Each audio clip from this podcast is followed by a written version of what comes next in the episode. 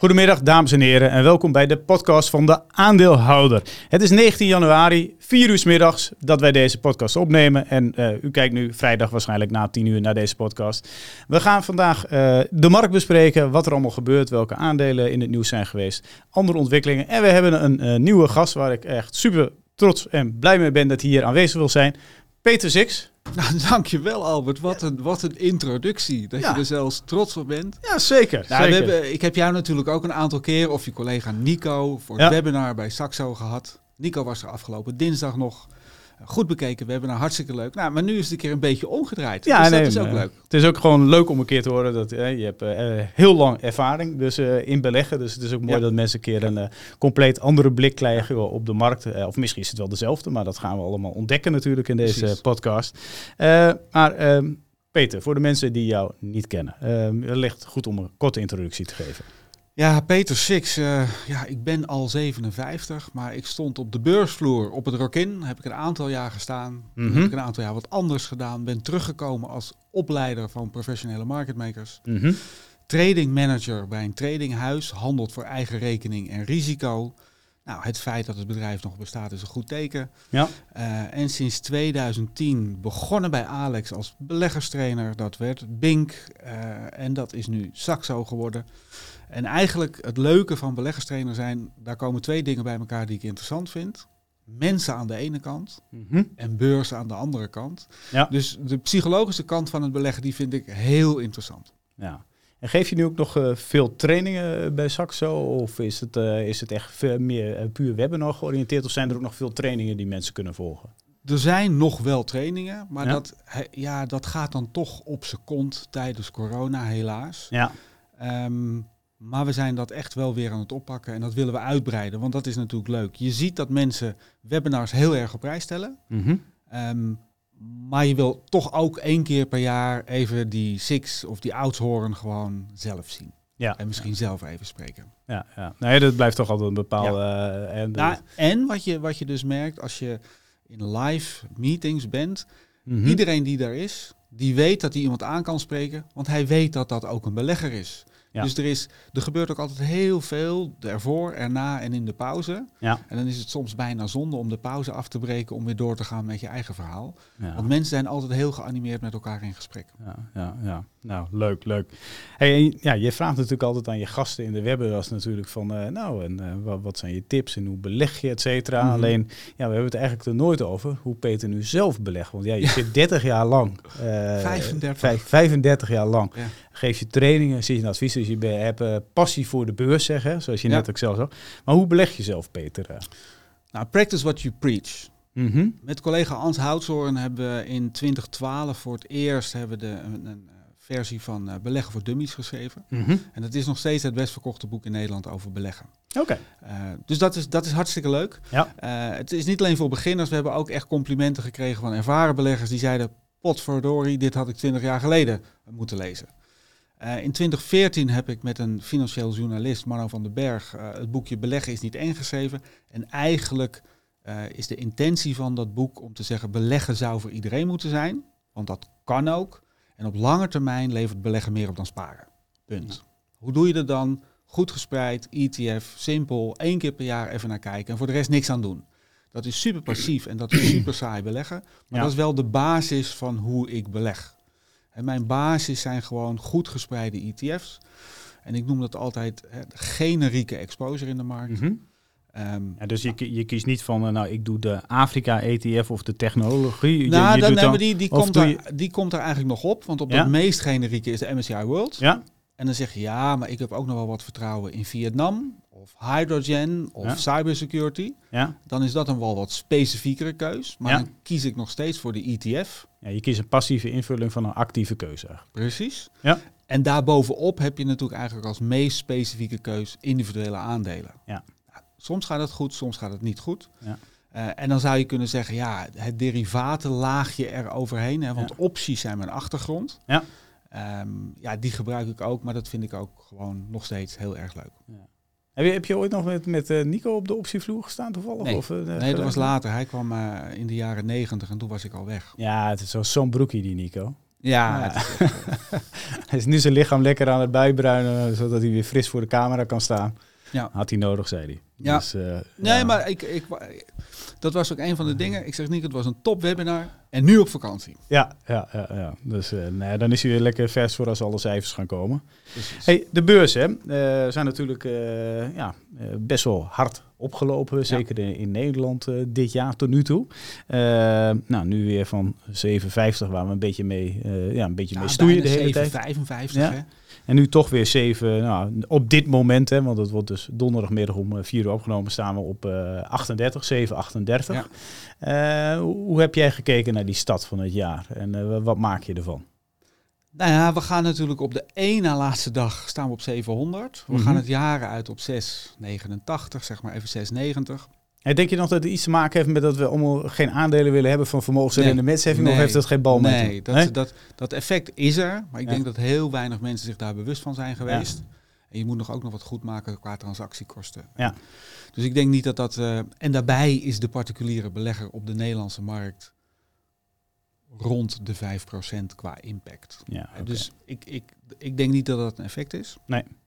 Um, het heeft mij verbaasd hoe hard het dan gaat. Mm -hmm. He, dat we, we hebben natuurlijk een aantal keer in 2022 echt wel de zwarte bril opgehad. Mm -hmm. Maar dan zie je dat vanaf 1 januari, en wat dat dan is, dat is dat dan. Maar dan gaat de roze bril ook op. En als je in 16, 17 dagen, he, dus eigenlijk een ruime halve maand, als je bijna plus 10% gaat, ja. ja. dat is in historisch perspectief, dat is gewoon heel fors. En dat ja. is heel veel. He, dus zo'n dag als vandaag, die verbaast me ook eigenlijk niet. Nee. Um, heb je er een beetje vertrouwen in voor dit jaar? Of, uh, of, ik denk dat er nog steeds. Uh, volgens mij zien we dat vandaag ook een beetje dat, dat, het, dat het broos is. Het is Mhm.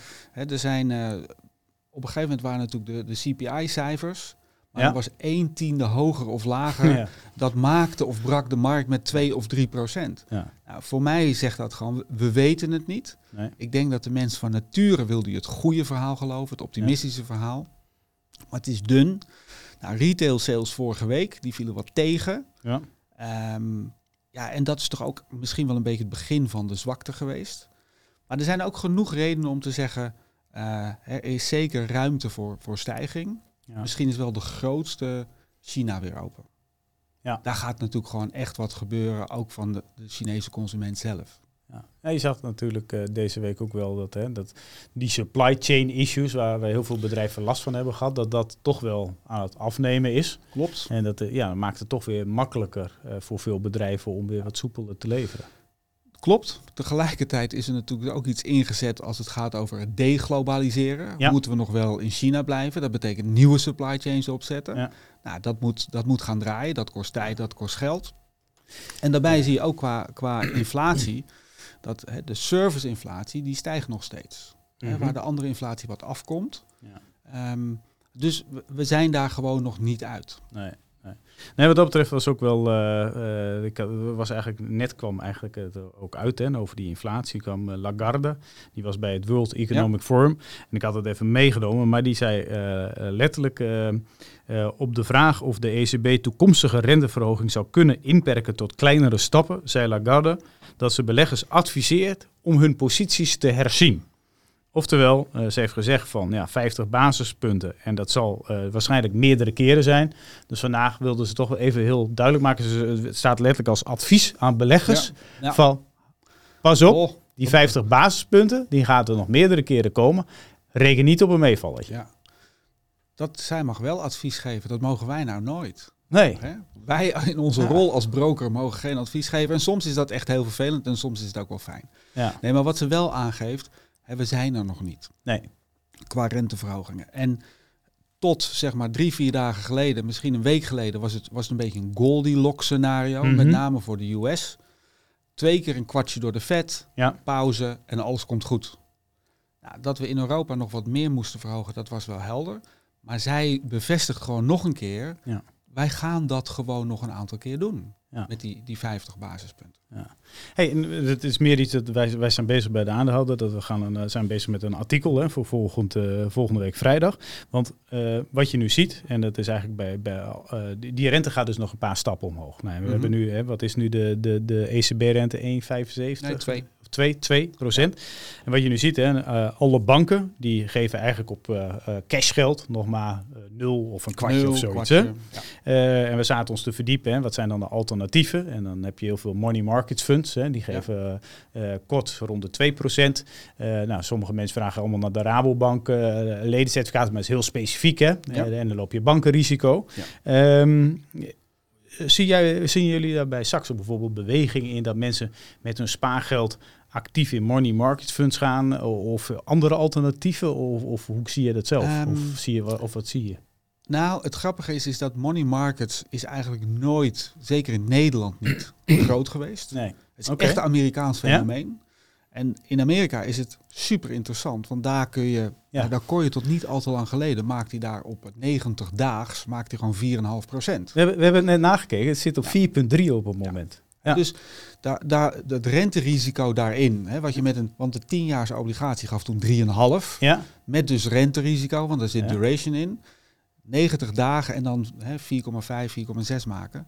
Dat is hartstikke goed. In Europa, ze zijn er wel, maar buiten Nederland. Ja. Ze waren een periode niet interessant, mhm. maar nu gaan ze wel interessant worden. Als je zegt, ik heb genoeg, ik neem genoegen, eigenlijk voor cashgeld, ja. om dat in een money market fund te stoppen. Kijk, en dat zal dan nu 1,8, 1,9 opleveren. Dus dat is prima. Ja, ja nee, want dat is, we, we, we, zitten natuurlijk zelf krijgen we best wel veel vragen van, joh, uh, is er nu iets? En, uh, en uh, is een heel, hele bijzondere site, maar alleen er is bijvoorbeeld zo'n SPAC, ESG e Core, die gaat dan kappen waarschijnlijk midden februari. Maar die, die, die hebben een pot geld van een paar honderd miljoen en die zeggen ook van, nou wij maken nu 2% op ons geld, dus wij keren straks weer een tientje uit. Oftewel, de kosten zijn gecorrigeerd. Fantastisch. dus het is wel mogelijk weer, zeg maar, om op je cash uh, alleen ik weet eerlijk gezegd niet, uh, want dan moeten wij nog gaan uitzoeken. Kijk, je kunt wel een staatslening kopen van een ja, die doet dan 2,4 za zagen wij. Uh, alleen natuurlijk heel veel dingen zijn met coupures van een ton of heel veel van die money markets vind ik weet niet eens als het allemaal verhandelbaar is voor Nederlandse beleggers. Ik, ik heb eerlijk gezegd niet echt, ja, moeten nee, ik heb daar een keer gewoon naar gekeken qua rendement. Ja. Maar toen was Europa gewoon niet interessant, want het was nog negatief. Ja. En toen was Amerika was wel al een plusje. Ja. nu wordt dat gewoon een relevante vraag. Ja. Um, maar het is, het is, je hebt me op een ideetje gebracht, Albert. Ja. nou, nou, ik, het is meer, nou, en er is, er is nog zit, wel, we zijn er gewoon zelf mee bezig ook. Dus en er is natuurlijk nog wel een ding. Ja. Als je wordt aangetrokken tot de 4,5 of 4,3 procent eh, in de US, ja. je hebt natuurlijk wel dollarrisico. Nee, absoluut. Dat, dat moet je echt wel meenemen. Um, nee, als je zegt zo'n zo'n ICS Short Duration Bond Fund of zoiets, ja. hè? daar zaten we ook naar te kijken. En uh, dus er zijn wel wel mogelijkheden. Alleen de vraag is, wat kun je kopen? Uh, ja. Inderdaad, hè, het risico dollar heb je liever niet. En aan de andere kant, kijk, uh, Lagarde die zegt gewoon keihard, er komen nog een paar keer 50 basispunten bij. Dus het lijkt me handig om short duration te zitten. Zeker. dus oftewel een korte looptijd. Je moet nu niet geen 10 jaar gaan kopen. Precies. Je wil geen die rentegevoeligheid weer eruit en dat bereik je door korte looptijd te nemen. Exact. Dus, nou ja, daar zijn we mee bezig, maar het is voor onszelf ook een beetje een onderzoekje. Dus, uh, dat is nee, maar dat is, dat is eh, altijd leuk. Nee, dat is ook leuk. Dan, dus, dan, uh, dan leer je weer wat. Ja, dus... Um, ja, voor de, we willen graag nog een oproep doen voor de mensen die dit YouTube-kanaal op dit moment niet volgen. Ehm, we zouden het heel leuk vinden. En voor onze content dat wij veel abonnees krijgen. Dus als u hieronder op de knop kunt drukken om abonnee op ons YouTube kanaal te worden.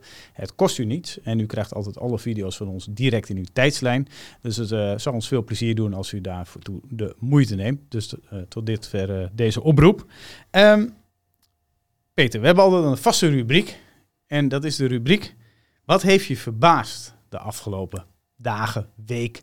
En uh, ja, je bent nieuw, dus uh, ja, we ja, zijn wel heel benieuwd wat jou verbaast met 35 jaar ervaring. Ja, nee, het, waren, er waren twee dingen daar ik aan moest denken. Ja. Ik houd in eerste instantie even bij de beurs. Ja. Dat is toch gewoon de stijging in de korte tijd. En, en de onderliggende wens van de belegger om het positieve verhaal mm -hmm. te geloven. Dat, dat heeft me verbaasd. En er zit waarschijnlijk ook een beetje FOMO in. Hè. Ik hoorde ook nog iemand zeggen in die weg omhoog, potverdorie zit eigenlijk best nog veel cash. En nou staat die markt alweer op 7,35. Moet ik nou nog instappen of niet? Ja. dus dat, dat stukje zit er ook in. Want ik denk dat veel mensen die hebben natuurlijk een lastig jaar gehad vorig jaar. Ja. Dus het is voor mij eigenlijk de, de snelheid op die beurs die me wel een beetje verbaasd heeft. Wat me daarnaast verbaasd heeft, wat naast uh, me bezighouden met de beurs, mag ik heel graag op het water staan. Oké. Het is de laatste twee weken is het echt briljant kite- en windsurf weer geweest.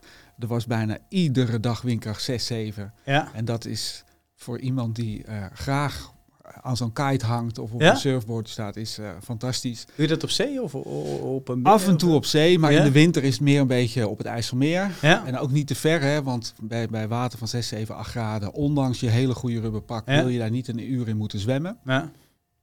Um, alleen deze keer Jeetje, ik ga wel een boekje open doen. Ja? Uh, mijn rug is een van mijn zwakke punten. Dus ik heb het aan me voorbij moeten laten gaan, deze periode. En oh. dat was echt heel zuur, want het waren echt fantastische dagen geweest. En dat heeft me ook wel verbaasd dat het, dat het dan gewoon in de winter twee weken achter elkaar perfect is bijna. Ja. Nou, wel, uh, ja, ik heb het nooit gedaan, maar het is wel heel gaaf, denk ik. Uh, je ziet het vaak en dan denk je van, goh, ja. Alleen het kost wel heel veel tijd, denk ik, om het te leren. Als je, ja, jij bent van nature windsurfer natuurlijk, dus je hebt dat gevoel veel meer. Maar als je helemaal niks kunt op dit gebied, uh, zal het een pittig iemand, worden. Iemand met jouw intelligentie en, jouw, en jouw, jouw spierbeheersing. Uh, ik heb in, slecht... in, in, een week kom je heel ver. ik heb slecht evenwichtsgevoel. Ja, dat is niet zo belangrijk. Oké. Nou. Dus, uh, nee, mij, mij heeft ook wel wat verbaasd. En nu Nico er niet is, uh, pak ik natuurlijk mijn kansen. Dat ja, je wel begrepen. Ja. ja. Het heeft mij wel verbaasd dat uh, ja, Feyenoord inmiddels nou, vijf punten volgens mij los is in de eredivisie. Dat heeft mij wel verbaasd. Maar om dan gelijk naar Tenerife te gaan om je vakantie te vieren... en eigenlijk al een soort semi-voorschot op de, op de titel te nemen... dat heeft mij wel verbaasd, ja, Nee, dat snap, dat snap ik helemaal. Ja, maar... ik, ik moet de coach, hoe heet hij ook weer? Slot. Slot. Slot op de deur. Nee. Ja, maar ik moet wel zeggen, als je hem over voetbal hoort praten, dan denk je, die meneer weet wel waar hij het over heeft. Nee, ik, ik ben Want in eerste instantie, de eerste blik, dan denk je, hm, mhm. hoe gaat hij de winter ja. onderkrijgen bij die voetballers? Maar ik denk dat hij dat heel goed doet. Ja. En dat hij weet wat hij doet. Nou, en dat, dat betaalt zich nu uit. Dus nou, ik moet ook zeggen dat, uh, dat als je interviews met hem uh, hoort, dan de, uh, de man is realistisch. de man komt onwijs sympathiek over. Uh, speelt aanvallend, ondanks eh, dat hij zegt van nou, ik heb misschien niet altijd het allerbeste materiaal.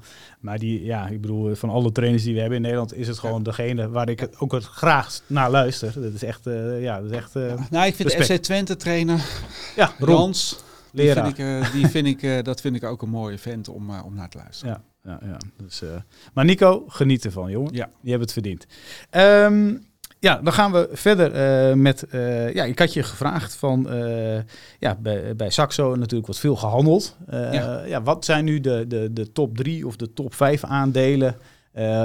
ja, in de verhandelbaarheid. ja, de, ik, bij, ik pak ze er even bij. Ja? Dat is de top, top vijf. Daar staan twee Nederlandse titels in. En dat zijn vooral handelsaandelen. Hè. Ja.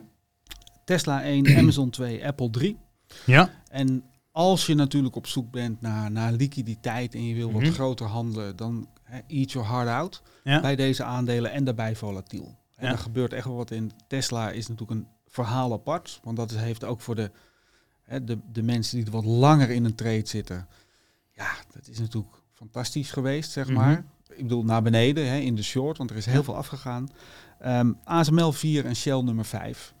En hoe gaan mensen dan short in zo'n Tesla bij, bij, bij Saxo? Is dat dan... Uh, dat kan met opties, met kan met turbo's. Ah, dat, op die manier zou je het kunnen spelen.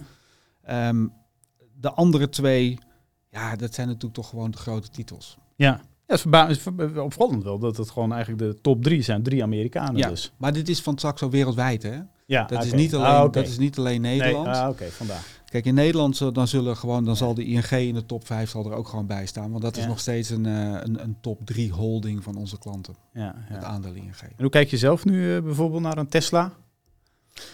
Nou, weet je, uh, het is meneer Buffett ook gebeurd in de opgang van de Nasdaq in de eind jaren 90. Hij snapte er niks van. Uh, en hij ging short, nou werd er uitgestopt en toen ging hij weer short en dan werd er uitgestopt en toen ging hij weer short en dan werd er uitgestopt. En toen op een gegeven moment was hij er klaar mee. Mm En toen kregen we natuurlijk die, hè, die, die afstraffing um, in de tech. Um, bij Tesla heb ik dat in die weg omhoog ook een aantal keer gedaan. ja. Dan denk je van, ah, nu zou het toch wel een keer klaar moeten zijn. Maar dan zie je dat het altijd verder gaat dan dat je denkt. Ja. Um, en als het dan gaat, dan zit je er niet meer in. Ja. Maar dat vind ik voor de rest ook niet heel erg. Nee. Het is, kijk, de man Musk is een fenomeen. Je kunt er van alles van vinden. Ja. Ik denk wel dat hij veel krediet heeft verspeeld het laatste jaar.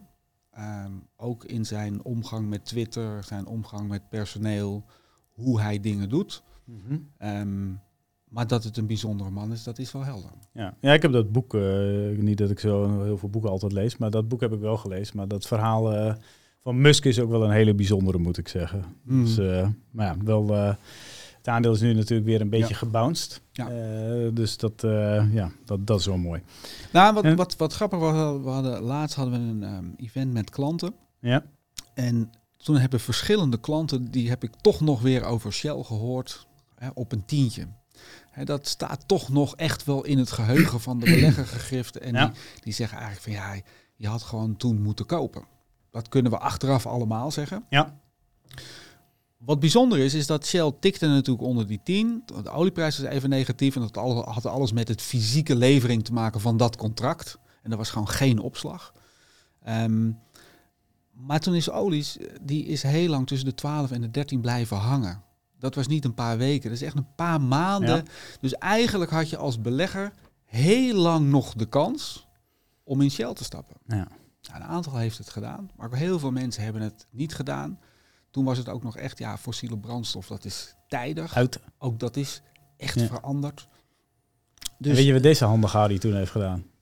Nou, vertel. Nou, ik dacht toen nu op het tientje stond, ik, schrijf, ik uh, kan een poetje schrijven. Ja. Dan krijg ik 2 euro voor zes maanden. Precies. Daar dacht ik, nou, hè, dat gaan we doen. Ja. Dus dat hebben we lekker gedaan. Ja. En dat was het. En toen had ik 2 euro per optie verdiend. Precies. En toen stond hij op 20. Precies. Precies. dat is altijd wel mooi, hè? je hebt het gevoel dat je, ik heb altijd het gevoel dat ik enorm dik had verloren. Ja. Ja, ja, nee, dat is, nee, het is een goede trade. Het is, het is een hele goede trade. Ja. Wat, Albert, als ik je dan een optietip mag geven. ja? Je had ook kunnen zeggen, ik schrijf dat poetje. Mhm. En ik ben bereid om die dan ook weer te investeren in een kolletje. Ja, dat... Uh... En dan had je hem, had je hem dubbel gepakt en dan had je volledig opwaarts potentieel gehad. Ja, dan een uh, klant die, stuurde, die belde op een gegeven ogenblik en uh, wij geven ook geen advies. En die zegt van, ja, ja, ja, zou ik wel mogen vragen? ja, vraag maar. En die had dus duizend kolletjes gekocht. Met uitoefenprijs iets van 16 of 17. Dus ja. je heeft maar niet... was het dat de decembers of was dat het jaar daarna? Ja, voor, het, ze waren redelijk lang. Maar hij zegt van ja, dus ik sta nu vier ton in de plus. Wat moet ik doen? Wat moet ik doen? Ja, ja ik zeg joh, ik zeg jij, heb je 40 miljoen? wat heb je dan? Nou, zegt hij, dit is eigenlijk alles wat ik heb. ja, dat is, ja, kijk, hè, die, die succesverhalen, daar komen heel veel mensen op af. Ja. Maar dit is 1 op 100.000. Ja, nee, dit is een uh, heel, dat, heel extreem verhaal. Nou, wat, wat op zich wel grappig is, uh, toen ze dus al heel lang bleven hangen tussen die 12 en 13.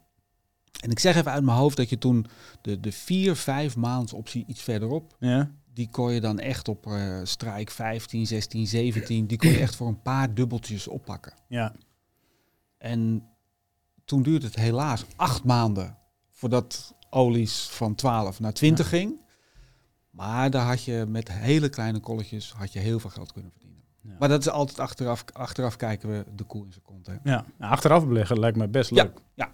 Ja. Als je dat uh, nog eens een keer, dan gaan we kunnen dat, uitvinden. Dan gaan we dat doen. en Shell zelf, uh, wat, wat, wat, wat, wat hoor je van, van jullie klanten of wat vind je er zelf van? Want ik kreeg net ook de, bij de chatsessie kregen we de vraag van, nou ik heb 10% van mijn portefeuille in Shell. Nou vroeger was het voor heel veel Nederlanders ja. een hoeksteen in de portefeuille. Ja. Is dat ja. nog steeds zoiets? Of hoe kijk je op de huidige waardering naar? Want het, het, het, lijkt nog steeds, zeker met de olieprijs boven de 70 dollar, het lijkt echt spotgekomen natuurlijk. Nou ja, wat, wat ook nog steeds wel speelt, is natuurlijk de discussie over mag fossiel nou wel of niet. Ja.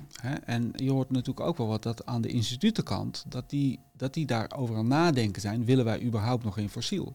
Nou, ik ja. denk dat dat te kort door de bocht is. Want we zouden willen met z'n allen, ik bedoel, ja. dat, dat willen we allemaal. Als we morgen 100% groen kunnen, dan willen we dat en dan gaan we dat doen. Alleen het is niet realistisch. Maar die discussie is al een paar jaar gaande. En wat je eigenlijk ziet in de, in de oliebedrijven, die hebben gewoon ondergeïnvesteerd in de winning. Ja. Dus qua waardering zeg je, nou, er is ruimte. Maar het, het gaat er ook een beetje om hoe belangrijk wordt die factor ESG uh, de komende jaren tegelijkertijd heeft, die, heeft dat wel een reality check gehad eigenlijk door wat we het laatste jaar hebben gezien. Mm -hmm. En je ziet ja. opeens dat we echt nog afhankelijk zijn van fossiel. Ja. Um, dus we zullen ook gewoon nog met koninklijke olie te maken blijven krijgen. En volgens mij was het uh, Uh, ja, ik heb altijd twee voorbeelden. Het is natuurlijk voor mij heeft het APG, die, gaat, die belegt niet meer in het bedrijf van Shell. Eén, dan denk ik van ja, oké, jullie moeten gewoon goed beleggen. Dat is jullie opdracht. Hè? Ja. Uh, maak, ja, ja oké, dat je niet in wapens en zulke soort zaken. Maar ja, dit hoort er gewoon een groot onderdeel ervan. Alleen ook het grootste beleggingsfonds van de wereld natuurlijk. Het Noorse staatsfonds uiteindelijk. Die hebben al hun geld verdiend. Met olie? Met olie. En nu zeggen ze ja, we beleggen niet in olie. Dat vind ik wel twee hele, eigenlijk, ik weet niet hoe jij er tegenaan kijkt, maar ik vind het wel een beetje hypocriet, zeg maar. Nou ja, kijk, als alles goed gaat, dan wil je dat partijen als instituten die beweging maken. Alleen nogmaals, die hebben gewoon een reality check gehad. Ja. En ik denk dat als we kijken naar de energiebehoeften voor de komende jaren, zal dat en fossiel zijn, en groen, en waterstof, en dus het, is, het wordt gewoon de mix en daar moeten we het in doen. En daar zit fossiel gewoon nog steeds heel hard in. Ja, waarschijnlijk over 20 jaar nog steeds wel gedeeltelijk. Nou ja, daar zijn wel wat berekeningen over. Dat, dat, dat we dan nog steeds een olievraag hebben ergens tussen de 55 en 60 miljoen vaten per dag. dus, dus, dus misschien willen we wel dat het volgend jaar nul is. Maar dat is gewoon niet realistisch.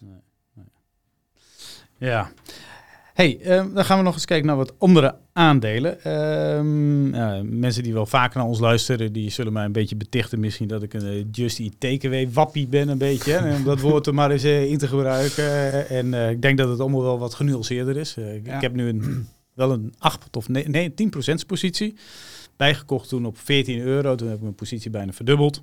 Uh, maar nog steeds een enorme... Okay, maar dat is meteen een hele, hele leuke vraag. Is ja? dat, was dat middelen of was dat vooraf bedachte strategie? Nee, dat, nou ja, laat ik zo zeggen. Ik heb uh, letterlijk bij, bij ProBeleggen heel vaak gecommuniceerd.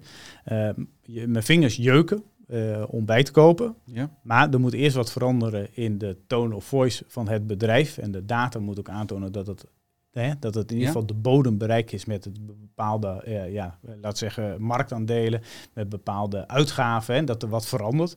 En dat was op een gegeven moment vorig jaar zo, werd er eindelijk gesneden in de kosten. Zeg ik van nou, nu komt er eindelijk beweging vanuit de onderneming.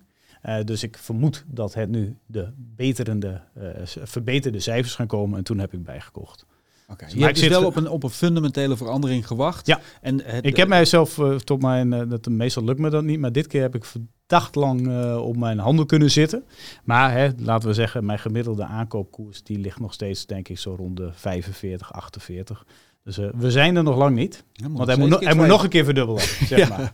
maar nu hebben we een keer iemand anders nee, maar, die een keer met okay. een frisse blik eraan ja. kan kijken. Ja, ja, zeg je van Albert, wake up, dit wordt hem nooit meer? Of nee, nee, nee, dat zeg ik zeker niet. Het is, het is, jij bent wat dat betreft een hele goede number cruncher. Mm -hmm. He, je bent een ervaren belegger. Je kan heel goed rekenen. En jij hebt redenen om die stap te doen. Nou, je was wat vroeg. hè, mhm. als we nu terugkijken dat je met vroeg bent ingestapt. Ja. Maar er zijn natuurlijk veel meer mensen geweest die, die ergens en dat kan op 70 geweest zijn, dat kan op 50 geweest zijn en dat kan op, op 30 geweest zijn. Die geeft mij allemaal de schuld, uh, Peter. Nee, dat heb je er ook nog bij.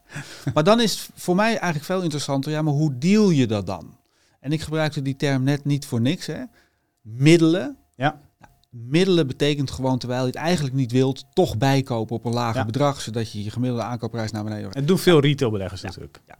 En in een aantal gevallen gaat dat goed. Alleen als het niet goed gaat, dan kan het ook heel erg niet goed gaan. Denk aan Imtech, dat gaat gewoon naar nul. Dus voor mij is, is zo'n positie opzetten, dan is het echt van, is dit het? Of heb ik op een lager niveau nog wat kruid over? Om wat bij te kunnen kopen om die gemiddelde kostprijs naar beneden te krijgen. Dan zeg je bijvoorbeeld, ik wil 100 aandelen hebben, we kopen nu 50. En als we dan toch nog een tientje zakken, dan koop ik er 50 bij. Dan is het strategie, is het geen middelen voor mij.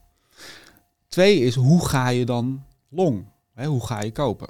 Nou, in een geval met Just Eat, ook omdat de optiepremies zo ontzettend hoog waren, ja. Ehm, kun je natuurlijk zeggen, ja, ik druk op de koopknop en ik koop gewoon 100 aandelen. Maar je kon daar ook gewoon een poet schrijven. En stel dat de poet de, ongeveer de koers was, dan kon het zomaar zijn, afhankelijk van de looptijd, dat je daar 6, 7, 8, 9 euro voor kreeg. Ja. Nou, de mensen hebben ze wel binnengekregen, de aandelen uiteindelijk, want we zijn gezakt. Maar altijd nog met 6, 7, 8, 9 euro korting ten opzichte van directe aandelen kopen. Dan zak je nog verder en dan sta je op 18. Ja. En dan is jouw poet dik in de money en dan staat er ook een minnetje. En dan is het de vraag, ja, wat ga je daar doen? Een van de dingen die ik overwogen heb, ja, moet ik gewoon hè, de poet op de hoge strijk, als ik die nou terugkoop en ik schrijf twee lagere poets ja. hè, in die verhouding. De, um, even een verdubbelaartje. Nou, een verdubbelaartje, maar qua exposure is het hetzelfde. Ja, als je naar de koers is. Ja. Maar dan moest je altijd geld bijgeven. Ja. Um, toen dacht ik van ja, en dat zal niet op de 12,5 geweest en ik weet ook niet of het op de, op de 14 was. Maar zei ik, ik wil toch wat meer opwaarts potentieel. want ik zit er nu al in, dat past. En eigenlijk wil ik nog met een heel klein beetje investering, wil ik toch wat meer exposure hebben. En toen heb ik een heel far out of the money koolspretje gekocht. Ik had die gewoon met een gelimiteerd inliggen. Um, en het heeft ook geloof ik een week, anderhalf week geduurd voordat ik hem binnen had. Maar dan dacht ik, dit is nog wel het geld wat ik erbij wil stoppen. Mhm. Maar niet nog eens een keer een extra pluk aandelen aankopen. Ja. want wat je, wat je gewoon denk ik moet willen vermijden, is dat zo'n dat er dan een positie ontstaat waar je eigenlijk ingezogen wordt. Ja. En die opeens hoe, eigenlijk veel te groot is. En ik denk dat jij daar heel scherp op bent. Je zei het volgens mij niet voor niks dat je die 10%, ja. je houdt het denk ik heel goed in de gaten. Nou, het werd er automatisch vijf. Ja. maar het gaat dus... Het, het gaat dus en toen werd het weer tien. maar het gaat dus gewoon af en toe... Uh, kan dat heel vervelend zijn als je daar geen goed idee over hebt bij het instappen ook. En als het dan gebeurt, nou, wat je dan echt moet vermijden is de emotie. Ja. Nou, wat nu ook wel, uh, we, hebben, we hebben veel gezegd over die cijfers. De, de winstcijfers waren heel goed. De vrije ja. kaststroomontwikkeling, uh, daar hebben ze onduidelijk over gecommuniceerd. Dus er zijn veel verzoeken van analisten en ook van mij naar het management en naar die IR gegaan om daar verbeteringen aan te brengen. Om nu te gaan uitleggen hoe kom je tot die enorme gat. Uh, maar dat is wel wat, van, wat gisteravond of vanochtend nog duidelijk werd, was wel leuk om te zeggen. Er, er is, in Amerika heb je vier caps. Uh, in New York. En dat betekent dat Justy maar beperkt mag verdienen. Of uh, in uh, Grubhub, zoals dat hun ja. entiteit is. Alleen dat willen ze aanpassen. De, iemand in de gemeente, zeg maar. En daar heb je 26 sponsors nodig. om dat te bereiken, dat er een aanpassing komt van dat systeem van die mm -hmm. caps. En in november zaten we op 13 sponsors. Je hebt 26 nodig. En we tikten gisteravond of vanochtend 25 aan. Nog eentje te gaan en dan... Ja, en de, maar dan heeft het qua implementatie duurt het waarschijnlijk nog wel vier tot zes maanden. Uh, alleen dat zou 130 miljoen EBITDA kunnen opleveren. Uh, dus dat is wel een, uh, zou nog een leuk triggertje zijn om misschien iets te compenseren van de daling die we vandaag zien. Ja. Dus, maar ja, als we kijken ook naar het koersloop van gisteren, hè, want we stonden op een gegeven moment plus 15 procent en we gaan plus 4,5 de dag uit. Ja, daar ben ik ook extreem pissig over geweest. En uh, heb ik ook met die IR uh, zat ik op de telefoon, want ik uh, app met, met, met de beste man. En want, dat kwam doordat er werden vijf vragen in de conference call gesteld ja. over van 225 miljoen EBITDA in 2023 en 250 miljoen negatieve cashflow. Dat ja. gaaf zijn. Dat, en het, het begint met het feit, je geeft een persbericht uit, daarin zet je je getallen. Ja, daar stond bij de Outlook 225 miljoen EBITDA. Mm -hmm. Er komt in de call een vraag. De free cashflow voor 2023. Waar moeten we op rekenen? Zegt de CFO. Min 250 miljoen. Dus je hoort gewoon zo. Daar zit 475 tussen. Mm wat, ga je, wat ga je dan allemaal doen? Nou, begon, uh, de CFO begon een beetje te brabbelen. Maar het was echt heel zwak. Uh, in mijn ogen. Dus die vraag komt even later weer terug, want de volgende analist denkt, ik snap, ik snap geen bal van wat hier gezegd wordt. Toen zegt Groen, zegt van, ja, dan komen we bij de jaarcijfers, gaan we het wel uitleggen. Oké, nou, ik, ik doe dit ook zeg maar ruim 20 jaar. Dus je geeft een getal ja, ja. van min 250 en je zegt erbij, we verdelen niet hoe we op dat getal komen. Ga je extreem veel investeren? Ga je, uh, heb je een extra CapEx-programma? Uh, heb je, uh, moet je hele hoge leaseverplichtingen? Moet je je schuld, ga je die aflossen? Wat zit erin? Wat zit er niet in? En dat bleef vaag. Toen later, zegt die CFO, brabbelde een keer weer wat. Werd vijf keer werd de vraag gesteld. En eigenlijk zei de ondernemer van... joh, kijk gewoon naar 2022. Dan kun je er zelf wel uitkomen. Maar wat vind je, wat vind je hier nou van? Het is nou gewoon een beursgenoteerd bedrijf. Daar zitten professionals. Dat die... Maar dit is, dit is gewoon uh, hoe het bedrijf is. Dit is gewoon waardeloze communicatie. En dan zelf de arrogantie te hebben en dan denken dat je het goed hebt gedaan. Want ik kreeg ook een appje terug van de beste man. Van uh, Albert, uh, heb je dat en dat wel een keer gezien? Ik zeg, ik zie alles, maar jullie lijken het niet te willen snappen. Ik zeg, hier heb je analistenrapport 1 die het niet snapt. Hier heb je nummertje 2. Dus zijn wij nou zo dom of zijn jullie nou te slim? Wat is hier het verhaal? En uh, ja, vanochtend kwam het verhaal nog een keer uit van Credit Suisse. Die schreef er letterlijk op van, goh, het zou toch handig zijn als het bedrijf begrijpt dat ze dit nu eens even moeten gaan toelichten. Ja, en dat doen ze niet. Stoppen gewoon weer de kop in het zand. Ja. En dit is gewoon, uh, wat dat betreft, ik zei tegen collega Jordi, ik zeg, je zou nou eigenlijk die conference call gaan terugluisteren. En dan ga je dat, wat ze allemaal verschillende dingen hebben mhm. gezegd. Mhm. En dan zeg je, het staat niet in het persbericht. En dan zet je dat dus netjes neer. En dan doe je dat gewoon eens als ingezonde brief. Dan stuur je dat naar die nieuwe uh, raad van commissarissen die er allemaal in zitten. Ja. En dan zeg je, joh, kijk, dit is hoe ze communiceren. Jij zit er. Ga er eens wat mee doen. Ja, ja nee, maar dit kan niet. Het zijn gewoon, eh, wat dat betreft, uh, sorry dat ik zeg, maar het zijn gewoon wat dat betreft op communicatiegebied zijn gewoon pannenkoeken. Nee, dit is dit, dit, heel helder. Dus, uh, ach ja, nou dat is eruit, lekker. Ja, ja nou, heel goed. Ik ben blij dat ik je daarmee heb kunnen helpen, Albert. Dat is fijn. Hey, dan een ander bedrijf, uh, wat uh, tot de verbazing van iedereen in één keer dinsdagavond ja, cijfers eruit spuugde. Ja. dat was, iemand had erop gerekend. Dat was ASM International. Ja. ja, Almeerse fabrikant van machines voor de chipindustrie. Ja. ijzersterke cijfers met veel hogere omzet dan die ze zelf midden oktober hadden verwacht. Ja. En een veel sterker orderboek dan ze hadden verwacht. Dus er is daar een soort magic gebeurd in de laatste twee maanden van het jaar. Kan hè, soms. Dus, uh, hoe, ja, het was, het was dus een, eh, een, eh, zoals wij dat zeggen, een winstwaarschuwing. nou, kijk, ik wil niet zo heel diep op de cijfers ingaan, want dat is uitstekend gedaan in het bladeffect. Ja. Die, hebben, die hebben ASMI onder, de, onder het vergrootglas gelegd. en die hadden verschillende manieren van berekenen. Er kwamen ook verschillende getallen uit, maar in het groei aanpak, groeimodel kwam het tegen de 400 uit. Maar als je even gewoon kijkt naar het aandeel, dan gaat het van 200 naar 400, naar 300, naar 200. Het, het, het is sterk fluctuerend, dus je moet een sterke maag hebben. Ja. Um, daarbij is in de laatste paar jaar is de waardering, en dat heeft ook met de markt te maken, dat, dat was van um, ehm, 7 keer EBITDA naar 35 keer ja. EBITDA. Dus hele grote swings in die waardering. Ja. Um, ik denk dat iedereen, of nee, niet iedereen, dat een aantal mensen hoopt, hey, zou dit het kleine ASML en ik kan nu nog relatief goedkoop instappen. Een lettertje verschil. Ja, precies. dus het kan eigenlijk niet missen, zou je zeggen. Maar je moet hier denk ik wel oppassen dat je niet in de hype, hè, als je nu op 400 hebt gekocht, wat we ook gestaan hebben in de laatste twee jaar, ja, dan sta je nog steeds, ondanks de goede cijfers van gisteren, sta je gewoon tegen een min ja. We staan 300. Ja. Um, dus ik denk sowieso je huiswerk daarin doen. En als je het wil hebben, is het de vraag van ja, wanneer ben je koper? En misschien op een iets lager niveau dan dit. Ja. Nou, wat, wat mij wel verbaasde was ook van, uh, kijk, als je ASML hebt, die, die zeggen van nou, de komende kwartaal wordt dit de omzet, dit wordt de order intake, bla bla bla. Klopt eigenlijk redelijk goed altijd. Hè? Zitten, zitten, ja, ja. kan eens een keer een klein beetje verschillen zitten, maar klopt. Alleen bij uh, ASMI, ja, eerst gingen ze downgraden op de China exposure. Uh, want uh, mochten bepaalde machines waarschijnlijk daar niet meer naar verschepen. Toen in midden oktober, toen schroefden ze alweer wat omhoog. En uiteindelijk, nou pak een beetje, een kleine twee maand later, ja, knallen ze dwars door het dak heen. Dus dan heb ik wel, ik heb een paar aandelen.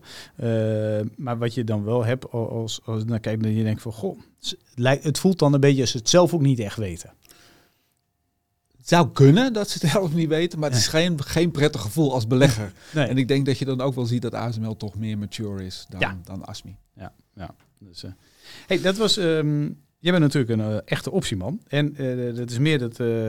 Wat ik me afvroeg. Hè. ik heb een niet nader te noemen collega. En die koopt heel vaak veel opties op aandelen met best wel een lage prijs. Hè, en dan zeggen ze hè, aandelen van 1 euro, 2 euro, 3 euro. En dan koopt hij een call. Uh, maar gewoon hè, zeer speculatief. Ja. Uh, en ik, dus een out of the money call ja, koopt hij. En ik zeg altijd van joh, die aandelen, dat is al een optie. Ja. Nou, en dan is, hij ook nog, dan is hij ook zonder looptijd nog, hè? Ja, maar ik weet niet, ik weet niet hoe, hoe, hoe zie jij dat? Ik heb daar... Uh, Jij hebt daar ideeën bij? Dus nee, ik, ik koop me gelijk allemaal, misschien hou ik nu juist maar tegen. Maar, hoe zie jij ook zoiets? eigenlijk sta ik meer aan jouw kant. Hè. Een aandeel van 1, 1,50, dat is eigenlijk van ja, als je er 100 koopt, dan is het gewoon een optie van 1,50 met, met uiteindelijk... Een, ja. Je betaalt geen, premie. Geen premie. Als het dividend uitvalt, dan is het ook helemaal voor jou. Dus dan, dat is gewoon zonder, uh, met oneindige looptijd. Dus dat, dat is verstandig. Wat daar nog bij komt, is dat je met het, de aanschaf van de optie, ondanks dat de optie op 2 cent gesteld staat, ja. heb je met een bied-laadspread te maken. En dan zeg je, ja, maar 1 cent, maar op een aandeel van een euro is dat natuurlijk toch ook alweer een procentje. En dan heb je nog kosten, die zijn relatief hoog. Omdat ja. Saxo pakt ook een eurotje. Ja, omdat... nee, maar, ja, maar hoort gewoon bij. Ja, iedereen pakt een eurotje, dus, dus maakt niet uit. Het is, het is, dan spelen die kosten, die worden best zwaar. Ja. En dan, um, het is natuurlijk wel zo, hè, waar je misschien zou kunnen zeggen, ik wil, ik wil er 1000 euro in investeren. Ik zou duizend aandelen kunnen kopen als het aandeel uh, een euro staat. Je zou wel meer opties kunnen kopen. Ja. Hè? Maar als die dan out of the money is en er gebeurt een jaar niks, dan ben je toch die duizend piek kwijt. En als je die duizend aandeeltjes had gekocht. Dus ik neig meer om te zeggen, uh, doe dat gewoon met die aandelen. Tenzij je het 100% zeker weet natuurlijk. Ja, maar dat weet, Albert, daar ben ik echt al een paar jaar vanaf. Oh, nog maar een paar jaar? Ja, nou, maar dat, is, dat kunnen we wat stretchen hoor, die paar jaar. Ja. Nee, ik zeg altijd even mijn slogans, nou ja, dat heb je, heb je wel eens vaak gehoord. Dat, uh, als belegger weet je één ding zeker. En dat is dat je nooit zeker weet. Ja. Dus, nee, uh, maar, dat, maar dat is, nou, ze hebben er wel eens onderzoek naar gedaan van welke mensen zijn goed in, in, in voorspellen. Uh, dat waren weer mensen, omdat die denken in probabilities. Mm -hmm. En dat waren ook optiemensen, want die denken ook in waarschijnlijkheden. En een 100% is er nooit. Er kan altijd net iets wat anders gaan. Maar dat maakt het ook wel eens lastig. Want er kunnen heel gemakkelijk een aantal verhalen naast elkaar staan. Allemaal met hun eigen waarschijnlijkheid dat ze uit gaan komen. Ja. En vaak willen we toch gewoon... Ja, maar wat gaat het dan worden? Ja, ja. waarschijnlijk die. Ja, ja, ja. Hey, um, ik zat, ik zat naar, de, naar de markt te kijken en naar de verschillende aandelen. En wat mij eigenlijk wel, wel echt opvalt, is dat cyclische waarden, uh, Aperam, ArcelorMittal, mm -hmm. Air France. Uh, ja, dat is misschien niet puur cyclisch, maar heel veel, heel ook veel vastgoedbedrijven, die natuurlijk hard waren afgestraft met de hogere rente en de angst voor een recessie. Dat dat eigenlijk, bijna al die aandelen doen het ongelooflijk goed dit jaar. En dan heb je niet meer over 5% stijging, maar echt gewoon 15, 20% stijging wat je daar ziet. Uh, is natuurlijk, uh, ja, dat is misschien een stukje reflectie van, goh, misschien valt het allemaal wel mee met de teruggang. Ik weet niet, hoe, hoe zie jij dat? Ik denk dat je dat zowel de rente, die, die, die is natuurlijk ook echt alweer wat afgekomen. Hè?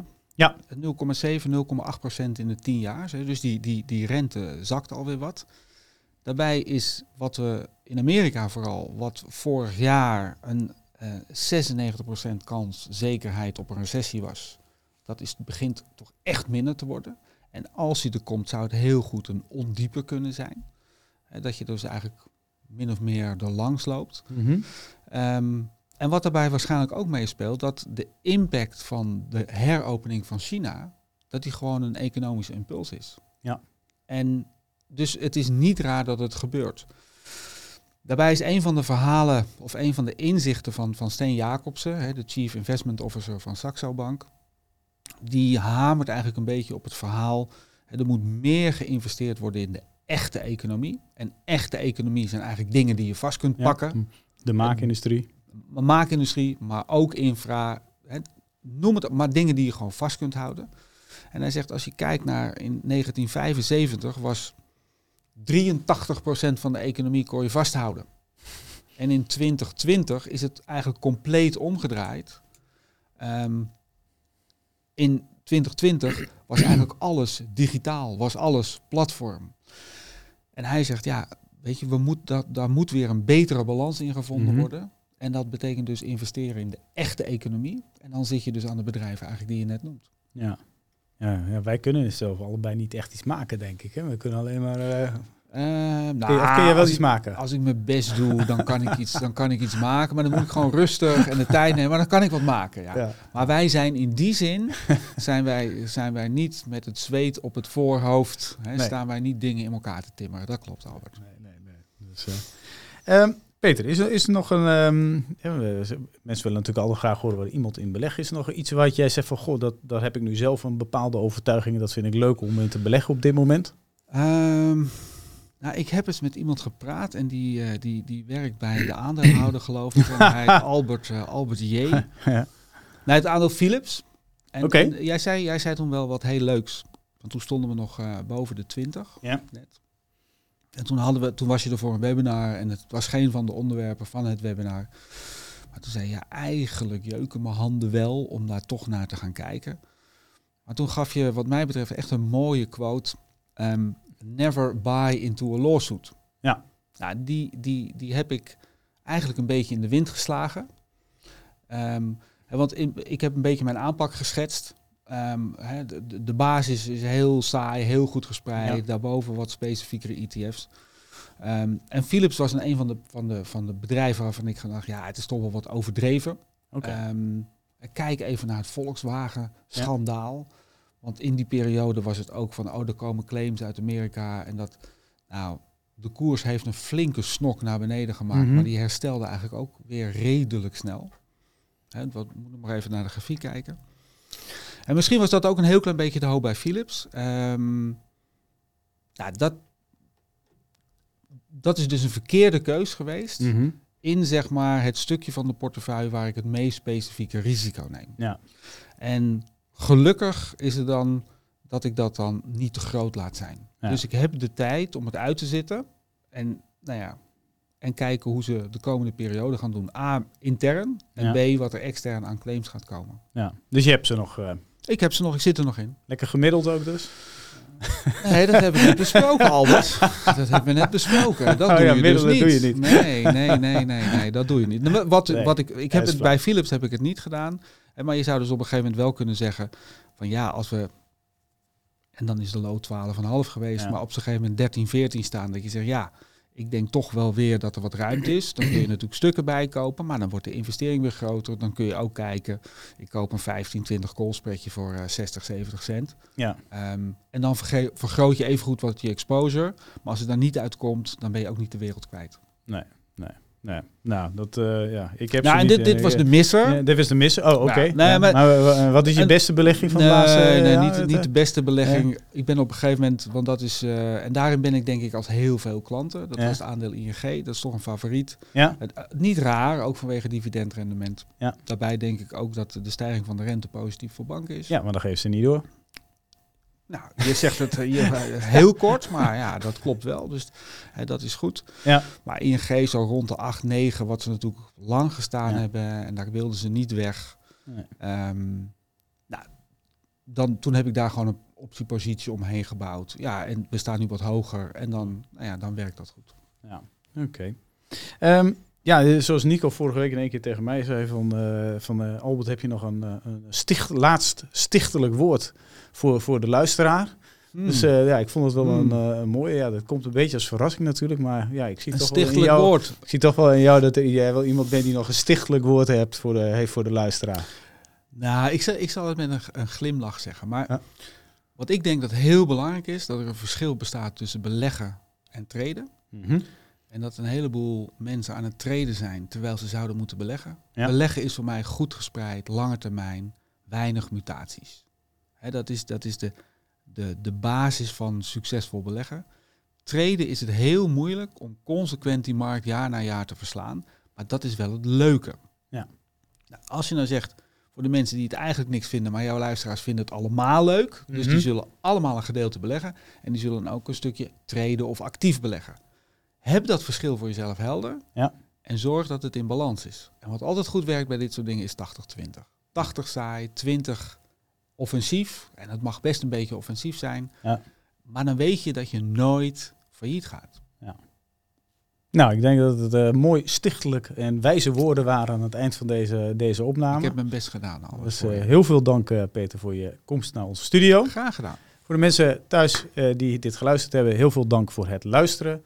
Nogmaals, wilt u zich abonneren op ons YouTube-kanaal, kan het op het knopje hieronder. Ik dank u voor het kijken en wellicht tot volgende week.